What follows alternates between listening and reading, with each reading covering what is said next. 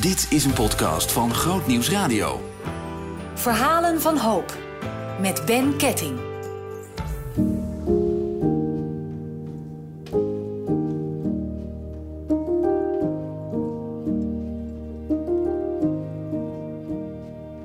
Voor de podcastserie Verhalen van Hoop rijk naar het plaatsje Wormer. Hier wonen André en Brenda Berghout. Het is nog niet zo heel lang geleden dat het gezin door een diepdal ging dat te maken had met de pornoverslaving van André. Maar nu staat het gezin er anders voor en hebben André en Brenda grote plannen. Omdat in deze aflevering Verhalen van Hoop ik eerst wil focussen op het feit dat na veel narigheid er ook nieuwe perspectieven komen, vertelt Brenda, André's echtgenote, wat er in hun hart speelt. Het heeft altijd wel gespeeld in ons huwelijk. Zo van, uh, we hebben altijd wel een relatie gehad waarin uh, uh, we niet voor onszelf hebben geleefd. Altijd wel het idee gehad zo van, ehm, je bent, dat je van betekenis, dat wij van betekenis willen zijn voor een ander. En zending heeft altijd wel gespeeld. Maar dan ga je vanzelf ehm, de verplichting, verplichtingen in. Je krijgt kinderen, hypotheek, nou noem het maar op. En dan zakt het weg. Maar gaandeweg bleef het wel een, een issue. Ja. En we zijn inderdaad geen 30 meer. Ik ben 61 en dat is ook best wel een issue. Uh, we zijn in 2018 gestart bij de OMF met gesprekken. En uh, daarin uh, werd toch ook wel gaandeweg steeds meer duidelijk dat Thailand wel past bij ons, dat daar onze plek is. En juist omdat we geen 18 meer zijn of geen 30 meer zijn, hebben we wel veel meer uh, in te brengen en te bieden dan 30-jarigen. Ouderen zijn daar best wel, uh, verdienen daar best wel respect. En we hebben daar een professor ontmoet, Payong. En zij vertelde ook wel dat zij lang gebeden heeft voor een ouder echtpaar. Omdat zij zei van, ik ben jonge vrouw, ben getrouwd. En voor de medewerkers hebben, hebben we ouderen nodig. Dus voor haar was het een antwoord op haar gebed. Voordat Brenda en André aan een nieuwe stap toe waren, zelfs op een wat oudere leeftijd, moest er eerst veel troep opgeruimd worden, vooral in het leven van André. Want hij kampte lange tijd met een pornoverslaving. Een onderwerp binnen verslavingsproblematiek waar nog steeds niet makkelijk over wordt gesproken. Wel een groot probleem, mede dankzij snel internet en smartphones die elke vorm van inhoud, ook porno, binnen handbereik brengt.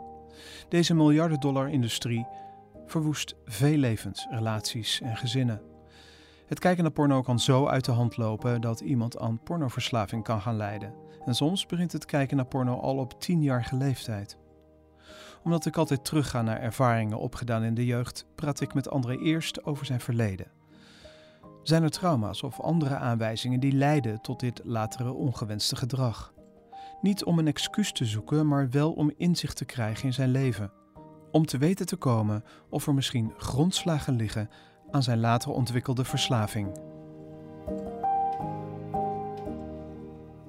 Ik herken dat wel. Um, vanuit mijn opvoeding ging ik er altijd uh, vanuit dat er uh, onvoldoende aandacht voor mij was. En ik weet dat het uh, volkomen onterecht was, want mijn ouders deden hun stinkende best. Ik heb mezelf een patroon aangeleerd van ik hou mij op de achtergrond en ik hou mij rustig.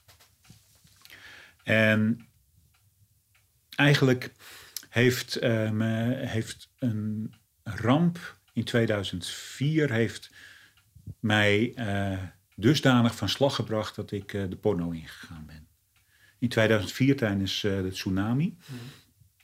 Uh, in die tijd woonden mijn broer en mijn schoonzus in, in Bangkok, in Thailand. die hebben daar hun, hun twee kinderen verloren. En ik ben daarheen gegaan om hulp te bieden, om steun te, te, zijn. En heb daar heel wat ellende gezien en heel wat mensen gesproken die eigenlijk alles kwijt waren. Mm. En wat ik niet gedaan heb daarna, wat ik eigenlijk uh, wel had moeten doen, is alles wat ik uh, heb daar, daar heb meegemaakt op een rij zetten en, uh, en daar hulp bij zoeken. Ik had het idee dat ik dat zelf wel kon en dat ik daar niet echt iemand voor nodig had. En ja, dat is, in de jaren is dat uitgegroeid tot een, een posttraumatische stressstoornis. En om mijn gedachten maar een beetje op een rij te krijgen, ben ik gaan zwerven op het internet. En van lieverlee op pornosites gekomen en daar eigenlijk niet meer van afgekomen totdat ik in behandeling ging. Wat vulde dat, om het zo maar eens te zeggen? Het vulde leegte. Ik voelde me in die tijd vrij leeg. Vrij, ja, niets, niet, niet, niet veel te bieden hebben. En door porno te gaan kijken gaf het eerst... Uh, ja, het gaf voldoening. Het, gaf, uh, het, het, deed wat met me. Ik bedoel, het, en dat begon heel klein door af en toe eens, omdat ik wel degelijk wist dat het verkeerd was. Maar speelde in een aanbiddingsband. Ehm, was in die tijd lid van een kerkenraad. Dus ik wist wel degelijk dat het niet goed was, maar op de een of andere manier kon ik er niet meer van loskomen. Het had mij te pakken en uh, het werd steeds erger. Hoe erg werd het? Zo erg dat uh, ik op een gegeven moment van af en toe kijken naar een paar uur per dag kijken, naar echt hele dagen achter de computer zitten om te kijken. Mm -hmm. En dat heeft me een aantal banen gekost. Het heeft mij, heeft ons, heeft het ons huis gekost, een behoorlijke financiële schuld opgebouwd. Omdat ik geen aandacht meer had voor uh, wat dan ook. Behalve nog voor het kijken naar porno. Mm -hmm. Brenda, je zit erbij. Uh, vind je, is het nog steeds moeilijk om hierover te praten? Of zeg je nou, we, we zijn het nu al zo gewend. Uh, we hebben er nu al zoveel over gehad. kan er ook nog wel bij. Want ik, ik, ik, ik moet je eerlijk zeggen dat er zijn natuurlijk heel veel verslavingen. Pornoverslaving is er één van. Maar het is toch altijd een beetje beladen. Je hebt toch altijd een beetje idee van... ja, moet je dat nou allemaal weer oprakelen? Hoe, hoe denk jij daarover? Um, het blijft schaamtevol. Het blijft ook wel uh, pijnlijk. Als André er ook over praat, voel ik hem ook altijd wel. Wel weer. Um, maar uh, we zijn ook samen betrokken bij, bij een organisatie voor, voor vrouwen van pornoverslaafden. En elke keer treft het me hoe, uh, hoe een ellende dit uh, brengt. En dat is ook voor ons, voor mij, de drive om, om erover te vertellen. Om anderen uh, te besparen waar wij doorheen gegaan zijn. Wanneer merkte je voor het eerst dat er een probleem was? Um, nou ja, André die vertelde al over die posttraumatische stressstoornis. In die periode overleed ook een vriendin en kort daarna mijn ouders. Dus wij zijn in die periode echt wel langs elkaar heen gaan leven. En we hadden weinig contact meer met elkaar, maar ook niet meer met, met mezelf, met zichzelf. Dus uh, André was wel afwezig, maar ja, dat was ik ook. Dus dan ga, je komt in een soort patroon terecht waar je ook wel uh, het contact verliest met elkaar. André, je zegt van ja, het heeft mij heel veel geld gekost. Was dat een, de consequentie van het kijken of van de dingen die je deed op internet? Of hoe, hoe werkt nee, het? was het gevolg uh, van geen acht meer hebben op uh, rekeningen, op alles wat financieel, het financiële aspect van een huishouding. Dat heb ik volkomen genegeerd, naast me neergelegd. En op een gegeven moment krijg je dan deurwaarders aan de, aan de deur. En, en wordt er beslag, loonbeslag gelegd. Want wat deed jij in die tijd? Voor werk? Um, ik werkte in automatisering. Ik heb verschillende banen gehad binnen automatisering. En ik wist heel goed, heel goed dingen gewoon te verbergen voor Brenda. Dat, uh, en, ja, Inherent aan verslaving is dat, hè? Dat, je, ja, dat, dat de andere. aan verslaving. En ik schaam me er nog steeds echt, uh, echt rot onder als, als, als ik daaraan moet denken. Dan, uh, van wat ik sowieso gedaan heb, maar ook hoe ik heb lopen manipuleren en zelfs gewoon rekeningen en dergelijke en brieven vervals. Om maar de schijn op te houden dat alles goed ging. Dus eigenlijk uh, liepen er twee problemen. Eén, was je verslaafd. En twee, uh, was er een financieel probleem uh, gekomen. Ja. En voor beide had ik zoiets van, als ik dit ga vertellen, dat is te groot, te pijnlijk. En daar komen we niet doorheen. Dat, dat is echt einde oefening, einde, einde huwelijk. Brenda, heb je er helemaal niets van gemerkt van die verslaving van André? Um, nee, niet. Want André die creëerde een soort droomwereld, een schijnwereld. Dat er zoveel schulden waren, um, dat heb ik nooit ontdekt, omdat André geld ging lenen. En het is heel bizar hoeveel mensen geld geleend hebben zonder dat ik daarvan afwist. En um, nou, André die werkt in de ICT, dus die heeft ook post, alles is vervalst. En het is wel heel bizar dat je zo lang in een wereld leeft die niet echt is, die niet bestaat. André, uh, waar werd het probleem zo groot dat je dacht er moet iets gebeuren? Nou, er gebeurde iets op een, uh, op een mannendag binnen onze kerk. Er was uh, Herman Boom kwam langs en die vroeg op een gegeven moment van als je iets hebt op te biechten, dan moet je gaan staan. En ik kon niet meer blijven zitten. Het was echt alsof iemand mij gewoon omhoog trok. Ik ben gaan staan. En ik heb uh, de afspraak gemaakt uh, dat ik diezelfde avond aan Brenda nog zou vertellen waar ik allemaal mee bezig was en wat de consequenties waren. Um, ik heb Brenda een deel verteld over mijn uh, pornoverslaving, niet over de schulden, omdat vond ik te eng en te beangstigend. En ik heb gemerkt dat uh, een belofte aan God, daar helpt hij wel bij, om je daaraan te herinneren. Eigenlijk is het, als je erover nadenkt, zou je zeggen een financieel probleem. Dat is heel herkenbaar. Dat maken heel veel mensen mee. Uh, dat is makkelijker te vertellen dan een probleem met seksualiteit, met porno. Ja, maar het financiële probleem was dusdanig groot dat ik wel degelijk wist van hier komen wij nooit meer uit. Dus dat, uh, dus dat vond ik eigenlijk een, een grotere berg dan mijn pornoverslaving. Brenda, hoe was dat? Uh, kan je me eens meenemen in de tijd dat hij vertelde wat er aan de hand was, wat voor probleem er speelde in zijn leven? Hij vertelde um, dat hij pornoverslaafd was. Nou, en ik, op zich is dat best wel heftig ook om te horen. En, uh, maar uh, de verklaring van, de, van na de tsunami, wat, dat, wat er allemaal speelde, hoeveel last hij daarvan had, maakte het ook wel begrijpelijk. En op dat moment had ik ook zoiets van, nou, ik was wel heel boos en, en het, ik schaamde me ook heel erg. Maar van, joh, ga in therapie, we zoeken een goede behandelaar. En uh, we zijn naar een predikant, naar onze voorganger gegaan. En die zei van, ga mensen zoeken die om jullie heen gaan staan, met jullie gaan bidden. Dat hebben we toen gedaan. En denk, nou, we gaan samen aan de slag en André gaat in therapie en dan, ja, en dan lukt het allemaal wel. Dan komt het ook wel goed. Hulp vanuit de kerk dus. Drie mannen en drie vrouwen gaan praten en bidden met André en Brenda. Heel toevallig vallen er diezelfde week ook brieven van schuldeisers op de mat. En krijgt Brenda te horen hoeveel schuld er is.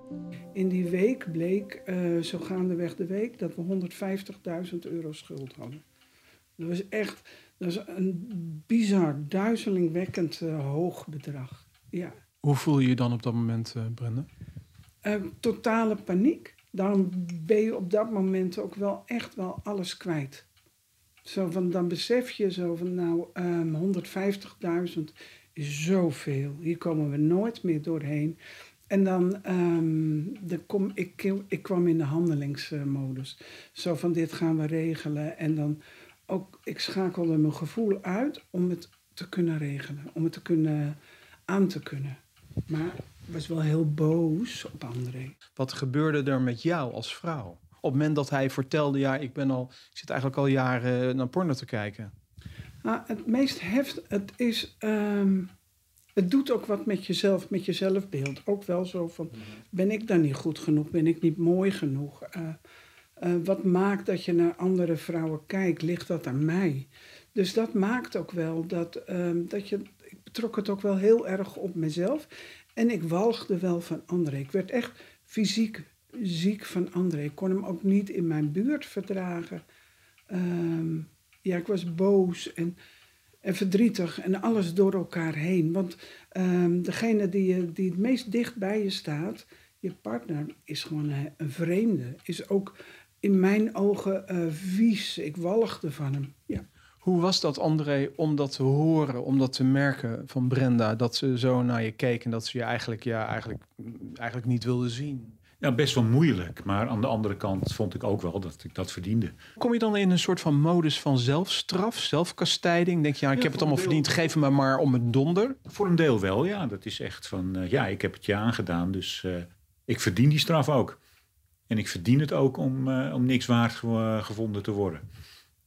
En ja, dat is, dat is een cirkel waar je dan in komt. Gewoon dat, en dat maakt ook dat het lastig is om er vanaf te, te, te blijven.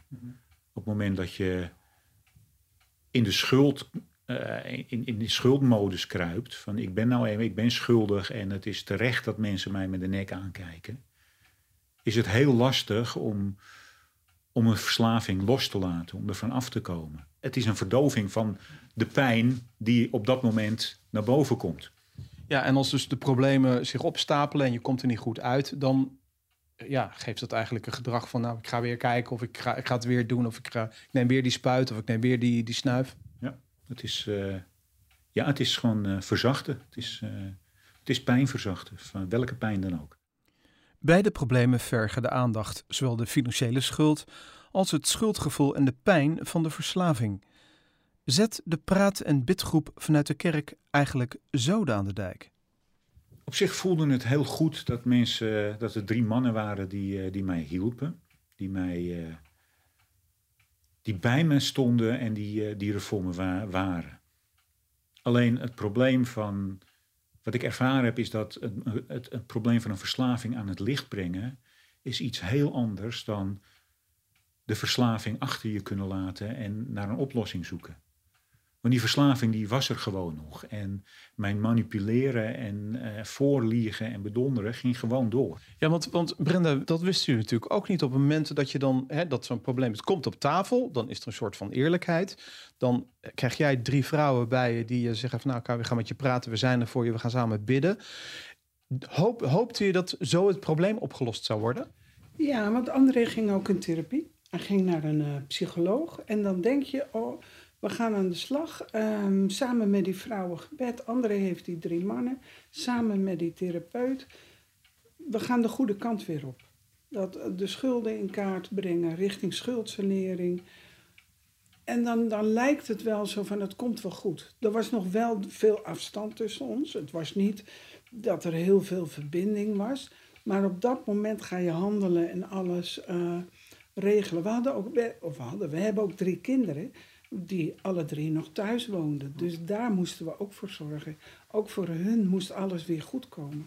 Want die wisten dat op een gegeven moment ook, André. Hoe, hoe is dat gegaan? Heb je dat verteld of daarin meegenomen in, jouw in jouw proces van heling, laat ik het zo maar even noemen?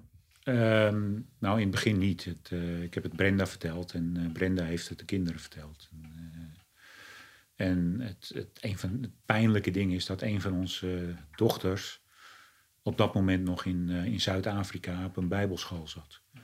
En dat wilde zij, uh, ze zat daar voor het eerste jaar en ze wilde een tweede jaar. Maar omdat, wij zo, uh, omdat ik er zo'n financiële puinhoop van had gemaakt, konden wij het, het, tweede jaar ook helemaal niet meer bekostigen. Dus die, die moest terugkomen. Die was boos, Brenda? Ja, die was heel boos. En de oudste die deed de studie journalistiek. En dat ging ook al fout. Dus die, dat, zij, zij haalde onvoldoende schoolresultaten. Maar los van dat was er ook geen geld meer. Eer wat we eerst hadden, was er niet meer. Mhm. En wij moesten naar de voedselbank. En dat, ja, samen, dat deed ik dan samen met een van de dochters. Maar we, ik kon ze ook niet meer sparen. Er was niets meer om hun te sparen van dit stuk. Want het had echt directe consequenties op hun. We moesten ons huis uit. Dus op alles uh, had enorme gevolgen. Je hebt uh, een therapeut gezocht, met drie mannen gesproken. Hielp dat eigenlijk? Nee, het hielp niet. Een therapeut, hoe goed hij ook is, kan alleen maar werken met wat je hem geeft. En ik, ook hem heb ik gewoon voorgelogen. En ja, gewoon, uh, zolang je iedereen een rad voor de ogen draait, gaat het probleem gewoon verder. En dat was bij mij ook. Het, uh, het werd eigenlijk alleen maar erger. Ik dacht er te zijn, door open te zijn, maar ik heb gemerkt dat het uh, eigenlijk alleen maar erger werd. Kwam jij geestelijk niet in de knoop? Ja, wel degelijk. Ik bedoel, uh, ik vroeg mij constant aan de stand af uh, van uh, ben ik het nog wel waard om een kind van God te zijn? Ben ik het nog wel waard om, om een relatie met Brenda en ook met de kinderen te hebben? Brenda, is er in jouw brein ooit opgesprongen, ik, ik stap eruit met ik ga, ik, ik ga scheiden? Ja, heel regelmatig. En um, de kinderen, de jongste zei op een gegeven moment ook van mama, ik wil niet dat je gaat scheiden. Die was toen 15. En mama, ik wil niet dat je weggaat bij papa. Zo van, en dat maakte het ook wel heel lastig. Daarbij uh, Andres ouders, die, die vroegen dat. Zo van, Brenda, je gaat toch niet scheiden? Dat gaf heel veel druk. En toen heb ik min of meer tegen André gezegd van... Goh, je krijgt een jaar de tijd om te laten zien dat je anders kan. Als je over, over een jaar nog zo bent, dan ga ik bij je weg. En dat was puur voor de kinderen. Dat zoiets van, voor de kinderen blijf ik nu bij je om te kijken wat er te redden is.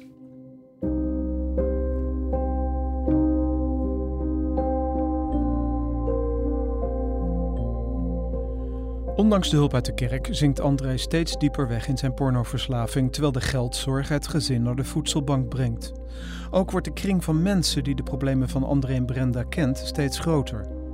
In overleg met hun predikant vindt er een openbare schuldbeleidenis plaats. Voor in de kerk beleidt André tegenover de hele gemeente dat hij pornoverslaafd is. En het was een uh, hele eenzame actie op, de, op, voor in de kerk om, om daar te vertellen van ik ben jarenlang Brenda ontrouw geweest met een pornoverslaving ge, gekampt en we hebben een schuld opgemeld. Hoe was dat Brenda om, om daar op die, om in die bank te zitten terwijl, terwijl anderen dit vertelden aan de gemeente? Nou, dat was afschuwelijk. Het was heel vernederend. En um, het, het was ook, de, die vraag lag er en dan... Um, aan de ene kant heel vernederend voor mezelf. En, en, er zit ook een ander stuk dat ik denk, nou mooi, daar sta je dan. Het, straf, je krijgt straf. Dat stuk zat er ook uh, bij mij. En um, ja, wij, stonden ook op straat. Dus uh, er was ook helemaal geen keuze meer. Alles was weg. Dus het was ook redelijk openbaar. Als je je huis uitgezet wordt en naar de voedselbank moet, dan, uh, ja, dan is het zo groot. En er was zoveel geld geleend. Ook kerkmensen, dat ja, iedereen wist het. Inmiddels is het beden ook een soort uh, publiek bezit geworden. En ja, dan krijg je ook, uh, op een gegeven moment kwamen er ook wel berichtjes van mensen die zeiden van, joh, ik geloof helemaal niet dat jij dat niet wist.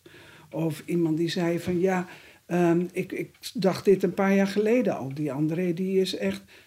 En dat maakt het eigenlijk wel heel bizar. Het maakt hem ook heel boos en heel eenzaam. Het is een hele eenzame weg geweest. We waren samen heel eenzaam. En onze kinderen ook. Dat is toch eigenlijk ook wel enigszins bizar dat je toch eenzaam hebt gevoeld in die tijd. Uh, met al die, al die lieve broeders en zusters om je heen, zou je bijna zeggen. Of zie ik dat fout? Nee, nee. Maar die een, het voelen van die eenzaamheid lag, lag bij mijzelf. Ik bedoel, er stonden wel mensen om ons heen. En ook naar die schuldbeleidenis uh, kwamen er ook wel mensen naar ons toe die zeiden van... Uh, ik vind het mooi dat, je dat, dat jullie dat gedaan hebben. Dat jullie het open hebben gegooid. Maar goed, niemand wist dat ik er nog mee, volledig mee bezig was. Dus ik kon niet zeggen van ik heb het open gegooid, maar ik ben nog steeds bezig. En dat maakte het eenzaam omdat ik gewoon de stap niet durfde te zetten om te zeggen van ja, maar ik ben er nog steeds mee bezig. Ik ben er nog niet vanaf.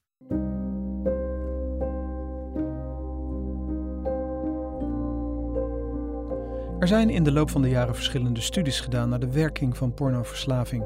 Sommige van die studies stellen dat de hersenen van pornoverslaafden sterke gelijkenis vertonen met die van cocaïneverslaafden. Porno zorgt voor een verslavende drugcocktail in het lichaam die bestaat uit diverse hormonen. Tijdens seks komen er stoffen vrij als die een rol spelen in het ervaren van genot en sociale binding. Door het kijken naar porno worden de hersenen veelvuldig blootgesteld aan dopamine en oxytocine en neemt de werking van de stoffen af. Deze stoffen spelen een rol in het ervaren van genot en sociale binding. Pornoverslaafden zouden hierdoor minder goed in staat zijn om een monogaam relatie aan te gaan. Brenda wordt opnieuw onaangenaam verrast als er plots iemand aan de deur staat. Um, op een gegeven moment hadden wij ook samen gesprekken met een echtpaar uit de kerk, van die, van die groep van zes mensen. En uh, mijn dochter belde tijdens dat gesprek. Die zegt: Mama, het is goed als je komt, want er staat hier een vriendin van papa voor de deur. En die uh, komt verhalen halen. Toen zijn we naar huis gegaan en uh, heb ik die vrouw te woord gestaan. En heb ik André uit de deur gezet. Zo van: Ik wil niks meer met jou te maken hebben. Het kan me ook niet schelen waar je heen gaat. Ehm, het is klaar. Dus en toen, ja, toen, toen, toen zakte alles in. Toen was het ook echt klaar voor mij. En uh, André is toen naar een caravan gegaan. En eh, ik heb ook tegen hem gezegd, weet je, ehm, ik denk dat jij... Ik heb de dag daarna de psycholoog gebeld. Ik zeg van, ehm, zo van, nou, ik weet dat jij niks mag zeggen, maar ik mag wel dingen vertellen en vragen. Zo van, eh, klopt het, eh, is André wel bij je geweest ooit? Zei hij, nee, André is nooit geweest. Ik zei, nou, verder hoef ik inhoudelijk echt niks meer te weten. Toen heb ik tegen André gezegd zo van, joh, eh, misschien moet je naar de hoop. En het kan me eigenlijk ook niet schelen hoe je er komt. Dus jouw probleem, je zoekt het maar uit. En eh, ja, toen was het voor mij echt klaar. Ja, hoe, hoe was jouw gemoed op dat moment? Dus zwaar. Het is eh, ja, gewoon eh, ja, tegen het, eh, misschien wel depressief, misschien, ja, ik weet niet of het depressief was, maar ik, ik voelde me diep ellendig en, eh, en alleen. En, dat, eh, en ik kreeg nog wel bezoek en ik ging nog wel naar een, een andere kerk dan. Dat, maar ik voelde me wel alleen. En echt, ik voelde me ook echt iemand die gewoon echt alles verpest had. En, en volkomen terecht dat ik in die caravan zat. Hoe is je gebed dan, als je dan überhaupt nog bidt? Wat moet me daarbij voorstellen, André? Kruip je dan constant in een soort van sch- schuld? eh, Het is gewoon een wanhoopsgebed. Wat in de psalm ook al staat, gewoon in het diepste van mijn ellende kom ik tot u. Gewoon van het, eh, gewoon, ik weet het niet meer. En ik kan het niet meer. En, eh, ik heb, en ja, ik heb het ook wel, wel uitgeschreeuwd naar God. Van, van help me, want ik, ik, ik kom er niet af. Het is een heftige verslaving, Brenda. Hè? Ja, behoorlijk. Heeft een enorme impact. Ik weet nog wel dat mijn dochter ook wel zei, de oudste. Die zegt van, ja, en dan vragen mensen, wat doet jouw vader? Toen zegt ze, ja, wat zeg je dan? Oh, mijn vader zit in de kliniek omdat hij seksverslaafd is. Dus de schaamte en het, het hakt erin. Het hakt erin bij mij als vrouw, als, als, maar ook bij de kinderen. Dat is, ehm, het is zo heftig, het is zo schaamtevol. Hoe kon jij met je kinderen praten? Kon je, voelde jij een soort van buffer tussen André en de kinderen? Hoe, hoe, wat was jouw rol in die tijd? Want je kinderen waren niet meer kleine kinderen, die studeerden al. Nee, de jongste was 15. De, eh, daarop zat er eentje van 18 en een van 19. Ehm, ja, dan ben je buffer. De kinderen wilden niks meer met hun vader te maken hebben. En ehm, we zijn met z'n vieren min of meer verder gegaan. En redden wat er te redden. Ook voor hun was het redden wat er te redden valt. Van, ehm, nou, het was elke keer naar de, naar de voedselbank. Daar spullen halen. En ook voor hun was het heel vernederend. En op zich ehm, ja, was er wel veel verbondenheid tussen ons vier. Maar ook veel wanhoop. Ja, veel gehuild.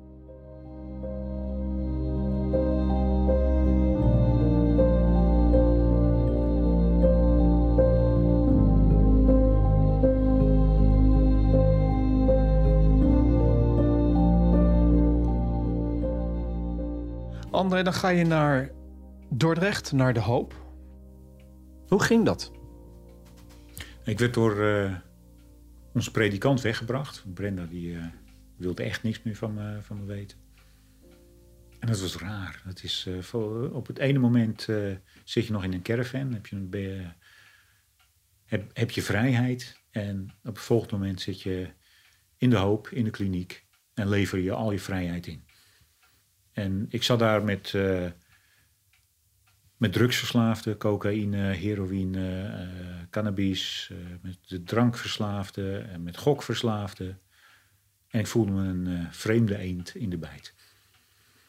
Echt, ik had zoiets van, ja, jullie hebben allemaal een, een redelijk normale verslaving. En, en ik zit er een beetje met een, eh, met een pornoverslaving. eh. Hoe komt dat, Brenda, denk je? Dat, ik vraag het eh, met opzet aan jou. Dat, dat als mensen zeggen van... Nou ja, ik ben kookverslaafd. Ik, eh, ik zit op de Zuidas en er komt er af en toe komt er zo'n brommetje langs... en dan uh, snuif je, ja, daar moet ik vanaf. Oh, nou, we gaan voor je bidden en sterkte. En eh, weet je, doe je best. En, terwijl een pornoverslaving heeft een soort ander gevoel. Hoe komt dat? Het heeft natuurlijk ook alles te maken met... eh, seksualiteit is natuurlijk heel, heel kwetsbaar, heel intiem ook. En iets wat tussen mensen gebeurt. En ehm, porno heeft natuurlijk alles te maken ook met vrouwenhandel. Met, eh, Daarin zit natuurlijk ook een stuk... En met walging en schaamte. Dus ehm, mannen die porno kijken voelen zich vaak heel vies. Zijn ook vies. Het is ook vies, om het zo maar te zeggen.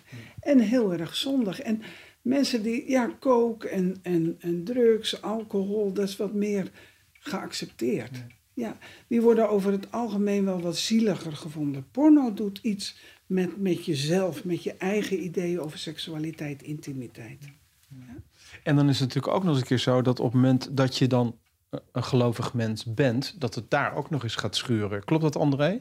Ja, natuurlijk. Dat, uh, ja, dat schuurt naar, uh, ja, in, je, in de relatie naar God toe. Mm dat, uh, ik had op een gegeven moment niet het gevoel dat ik een relatie met God had. Omdat ik eruit was gestapt uit die relatie. En God trok wel, maar ja, gedurende mijn verslaving vond ik mij te zondig, te schuldig om om juist die genade te krijgen die God aanbiedt. Juist in zo'n zo'n situatie. Je had met mannen gesproken, je had met de predikant gesproken, je had uh, andere hulp gehad. Wat werd er aangeboden bij de hoop? Dat maakte dat je langzaam omhoog kon klimmen. Het voordeel van bij de hoop uh, geweest uh, te zijn is dat je in een groep zit met mensen die eigenlijk met dezelfde problematiek te maken hebben. Want ik kwam er vrij snel al achter dat de verslaving eigenlijk het probleem niet is. Het is alleen maar een uiting van iets anders. En ik kwam er ook heel snel achter dat, dat, bijna al die verslavingen terug te, terug te voeren zijn op een negatief zelfbeeld, op, uh, op een slechte jeugd, uh, verwaarloosd zijn en gewoon jezelf eigenlijk helemaal niks meer waard vinden. En in de hoop is daar wel aan gewerkt. Gewoon van uh, hoe komt dat nou? Wat is, nou, wat is er nou in je leven gebeurd dat je zo bent ontspoord? En, en wat was dat bij jou? Wat, waar moest jij, wat was jouw grootste aha-erlevenis? Want waardoor ging dat dekseltje open? Um, nou, sowieso ging het dekseltje open door de, de therapie. Gewoon van, om te kijken van, uh, van waar komt het nou vandaan? En hoe zit dat nou in je. Hoe, hoe, zit, hoe werken al die patronen en die schema's nou in je hoofd? Maar wat ook wel uh, een, een, een eye-opener was, was uh, dat een van de behandelaars tegen mij zei van André, ga eens in de Bijbel kijken. Hij kwam met, met, met, met een, een citaat uit, uit, uit de psalmen en hij zei van, um, van, in een van de psalmen staat van, ik berg uw beloftes op in mijn hart, opdat ik tegen u niet meer zondig. En hij zei, André, ga nou eens kijken in de Bijbel wat die beloftes van God zijn en hoe God naar jou kijkt, ongeacht van wat jij gedaan hebt. Dat is op zich wel een eye-opener geweest. Het heeft mij samen met de therapie, heeft mij wel geholpen om, om mezelf te accepteren zoals ik ben. Gewoon om, om niet meer de zielige André te zijn die, uh, die in zijn schulp kruipt omdat hij vindt dat hij niks waard is en niets te zeggen heeft. En wat gebeurde er? Wat kon jij doen uh, wat leerde je tijdens de therapie? Dat op het moment dat je heel erg, uh, craving heet het geloof ik, ja. voor als je, op het moment dat je dus echt heel erg verlangt van ik moet dit dingetje weer doen, want dit doe ik al jaren en ik moet gewoon, dit moet gewoon gebeuren. Wat kon je op dat moment doen om dat te stoppen, om zo, zodat die behoefte zeg maar voorbij ging? Ik heb daar wel geleerd om, om, om te beseffen wanneer, waar het vandaan komt en op welk moment het opspringt. En ik heb daar ook wel geleerd om, om op het moment dat het naar boven komt, om dat stop te zetten. En, en te gaan denken aan iets anders of iets anders gaan doen. Gewoon uh, ja, wandelen of, het, uh, of gewoon uh, zingen. Of, hmm. En dat is in het begin is dat heel gemaakt en, en moet je daar heel erg bewust van zijn. En ik heb wel gemerkt dat door de jaren heen dat het een automatisme is geworden. Dat op het moment dat ik uh, me rot voel en het gebeurt, het gebeurt niet meer, maar op het moment dat ik me dan rot voel en ik zou de neiging hebben om, uh, om achter een beeldscherm te gaan zitten of om naar vrouwen te kijken, dat ik zoiets heb van, ja, maar er zijn andere manieren. Er zijn betere manieren. En het is ook, en, en, en ook van, het is niet nodig, want je mag je op een moment rot voelen. Je hoeft het niet te verdoven. Er is een confrontatie geweest bij de hoop. Hoe, hoe ging dat en waarom was dat nodig, eh, Brenda? Um, dat heeft best wel een tijdje geduurd totdat die confrontatie er was. In het begin wilde ik helemaal niks meer met hem te maken hebben. En um, uh, iemand van de hoop, de relatietherapeut uh, of gezinstherapeut, is mij gaan bellen. Die belde mij op een gegeven moment wekelijks. En dat hielp om ook op een gegeven moment het contact te herstellen. En dat heeft echt wel een tijdje geduurd. Uh, het startte met, uh, met het schrijven van een schadebrief. Dat ik een brief heb geschreven naar de hoop, waar André mij en de kinderen beschadigd heeft. Wat hij uh, ons heeft aangedaan. Dat was wel heel, heel helend om alles op een papier uh, te zetten. Zo van, ja, waar ligt de pijn, waar ligt mijn pijn? Op een gegeven moment is het, uh, de eerste confrontatie geweest samen met de kinderen en de begeleider en die relatietherapeut. En um, was een hele strenge begeleider, was voor de kinderen heel fijn.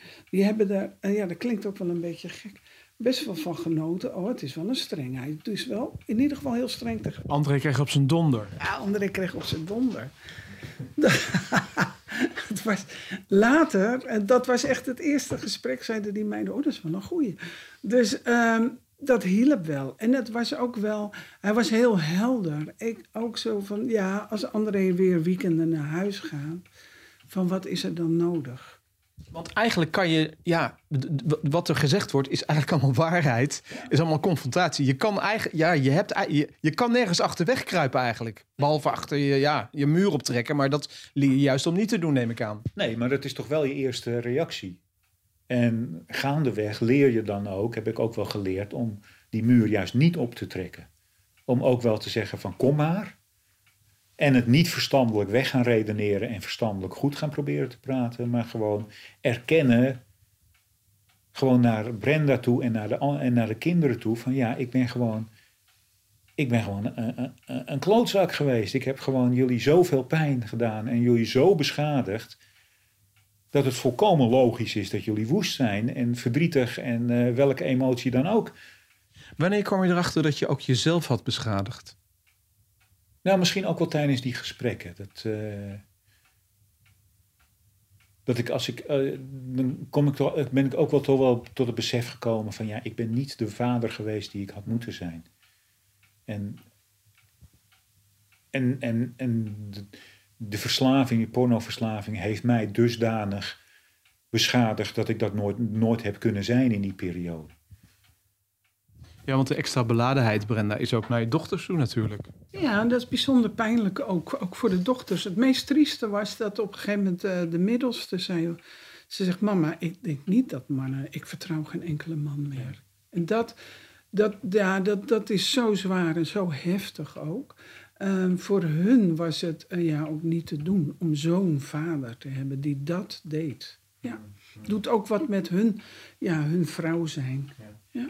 Heel langzaam groeien André en Brenda weer naar elkaar toe. Maar het herstel van André en de heling van het gezin is een intensief proces. Het is lastig om in een podcast voor de vuistweg hele concrete antwoorden te geven op het hoe en waarom van verslaving.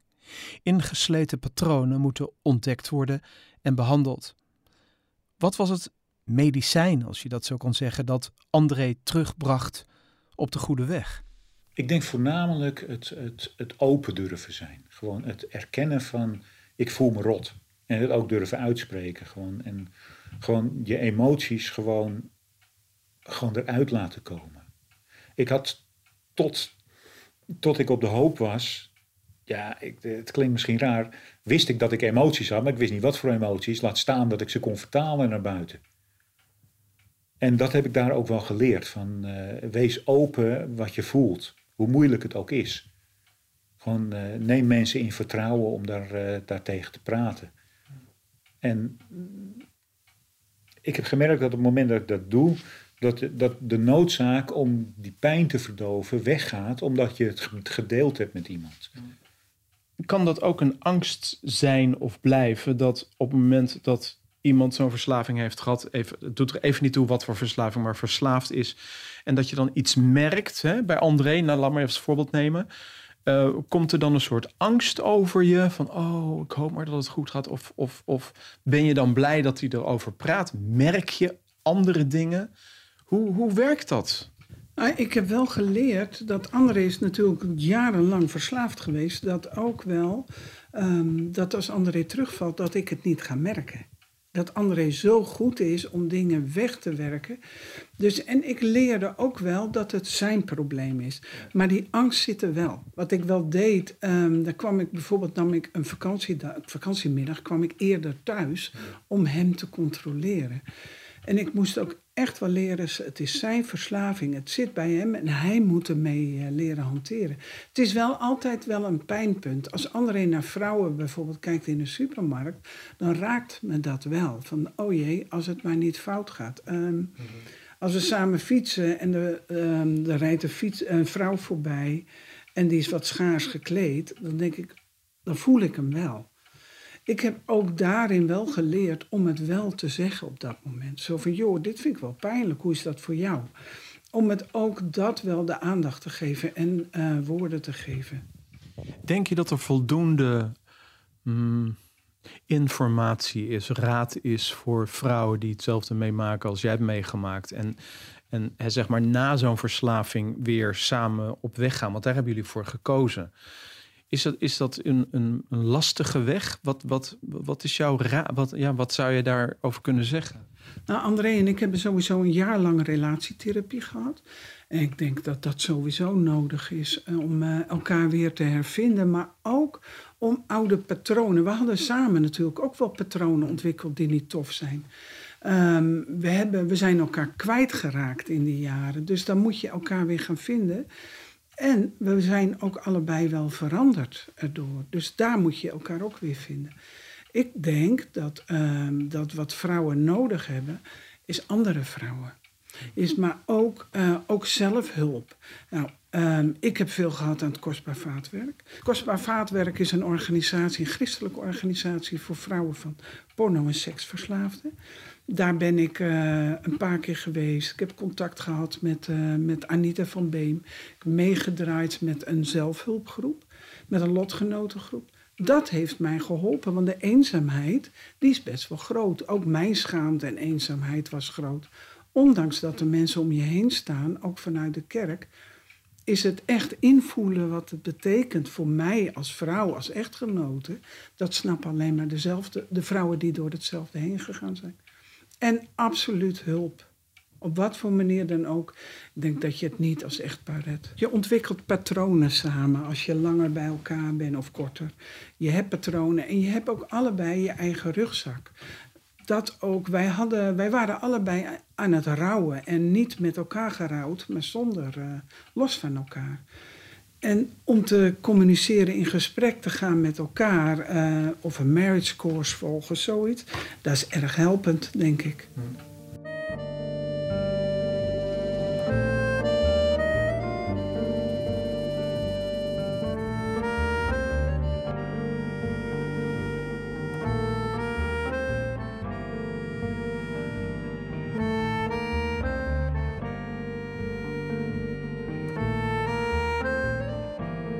Vijf maanden opgenomen zijn geweest bij De Hoop, volgt het stel nog een jaar relatietherapie. Gaandeweg is het paar sterker geworden. Brenda is onder de indruk van de zorg van De Hoop en werkt op een polykliniek van De Hoop in Amersfoort. Het leukste is, um, ik werk daar sowieso als verpleegkundig specialist, ook echt als hulpverlener, maar voor een deel ook als ervaringsdeskundige. Dus samen met een collega hebben wij nu een pornogroep voor mannen dus ja, hoe mooi kan dat zijn? Je zou eigenlijk denken, nou weet je, we laten het allemaal achter ons. We hebben het gehad, die ellende, waar, ze, waar, waar veel mensen door uh, effect van hebben gehad. Maar nu ga je toch weer, uh, je start met zo'n groep. Waar komt dat dan vandaan, Brenda? Um, ook om, om de pijn die wij gevoeld hebben. En daar, weet je, daar kun je het ook wel uh, inzetten. En ik ben er ook eerlijk wel in naar de mannen, zo van, um, ik snap wat jullie voelen. Ik snap, en zeker als ik dan ook echtparen spreek. Mm. Je kunt het dan ook gewoon gericht inzetten. En daardoor wordt de pijn ook meer bitterzoet. Dus, uh, dus met de groepen um, van gemiddeld 7 tot 10 mannen. En daar praten jullie mee? Ja, we hebben een programma gemaakt voor die mannen. En daar eigenlijk alle dingen waar André nu over praat, komen daar in de aan de orde. Zelfbeeld, um, anders omgaan met je emoties. We hebben een speciale avond waar de partners ook mee mogen komen. En um, dus alle issues, het, het, eh, ook het benoemen van de porno is niet het probleem. Het gaat over wat daaronder zit. Seksualiteit wordt besproken. Dus alles wat er ligt, wat, wat wij, wat anderen in de lijf heeft meegemaakt, komt daar ook aan de orde. Als, als mensen dit probleem herkennen, wat is dan jouw raad aan de partners, de vrouwen? Zoek andere mensen, ga in contact, kijk op de web- website van het Kostbaar Vaatwerk en ga in gesprek. Ehm, want het, eh, vrouwen, de schaamte is zo groot, dat hoor ik ook van die vrouwen, die trekken zich volledig terug en eh, beschermen ook die man. En dan zie je dat ze daardoor alleen maar met alleen gewoon helemaal niets meer hebben, alleen die man. En dan zie je dat de ellende alleen maar groter wordt. Dus ga alsjeblieft in gesprek. Zoek andere vrouwen. André, is het weer goed gekomen tussen jou en je kinderen? Ja, ja dat is eh, goed gekomen en ik denk dat de relatie nu beter is dan, eh, dan daarvoor. En ja, ze hebben mij eh, alle drie vergeven. Ja, dat, dat deed wel wat van me. Van, het was eigenlijk gewoon een, eh, vanuit de kinderen toe, eh, vanuit de kinderen gewoon naar mij toe gewoon van, ik accepteer je weer als mijn vader en je mag er zijn. Je mag weer voor me zorgen. En dat is wel mooi. Dat is, eh, Is dat het mooiste wat je hebt teruggekregen? En de liefde van Brenda natuurlijk. Ja, ik denk het wel. En, en, en, en, en de ervaring van de liefde van God. Van dat, dat hij er gewoon staat. Dat, hij er, eh, dat zijn armen altijd wijd gespreid zijn.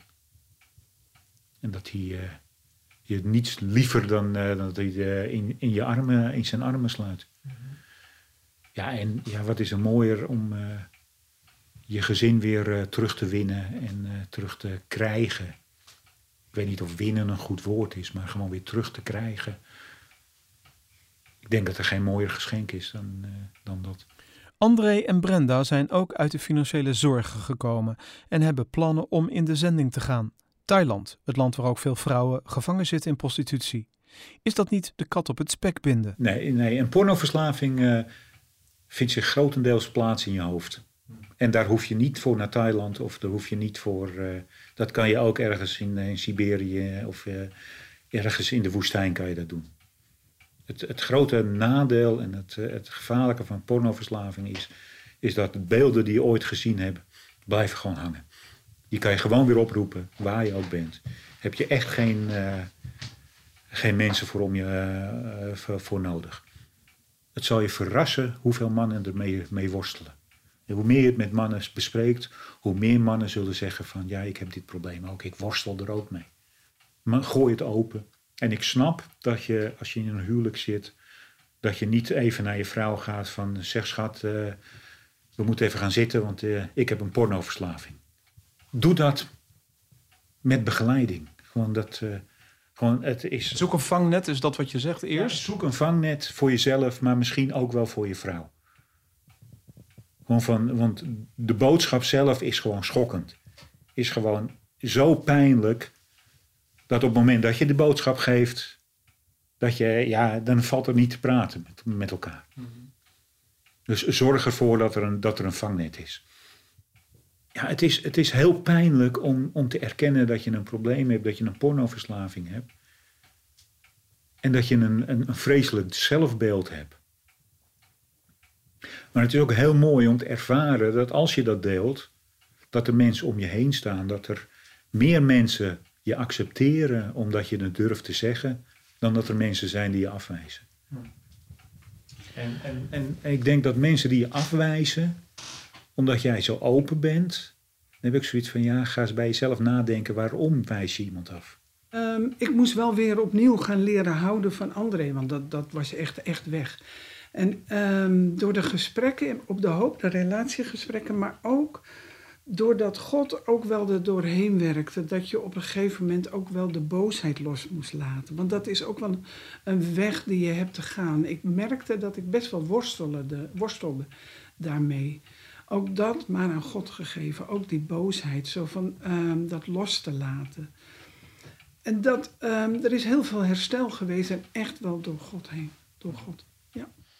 Is alles gezegd? Ik denk dat alles gezegd is. Ja, ja.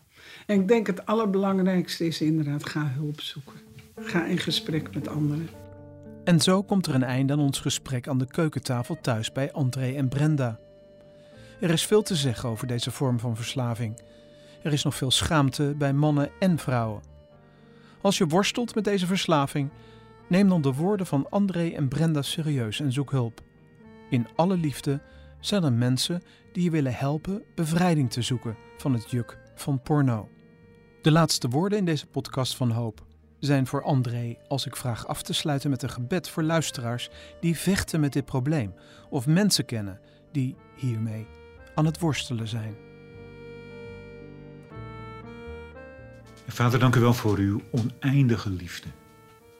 Heer, uw liefde is zo groot dat zelfs als je met een verslaving kampt, een pornoverslaving, en je jezelf niets waard vindt, een viespeuk, een ellendeling, dat u met liefde naar ons kijkt.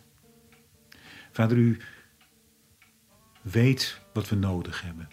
En u weet hoe dat gegeven kan worden. En vader, ik weet dat u tegen mannen wil zeggen die hiermee worstelen van, ik hou van je, ik zie je. En ook voor jou heb ik mijn zoon aan het kruis zien sterven. En ook voor jou is hij weer opgestaan.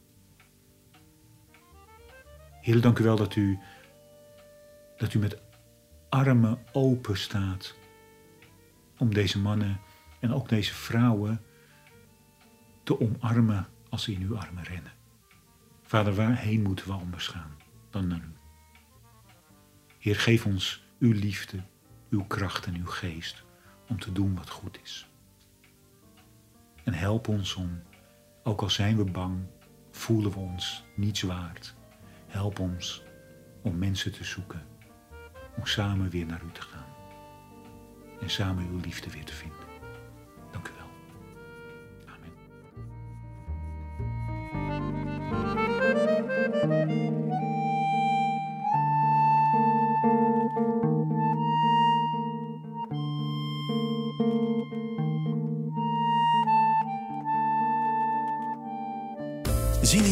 Podcast? Ga naar grootnieuwsradio.nl slash podcast.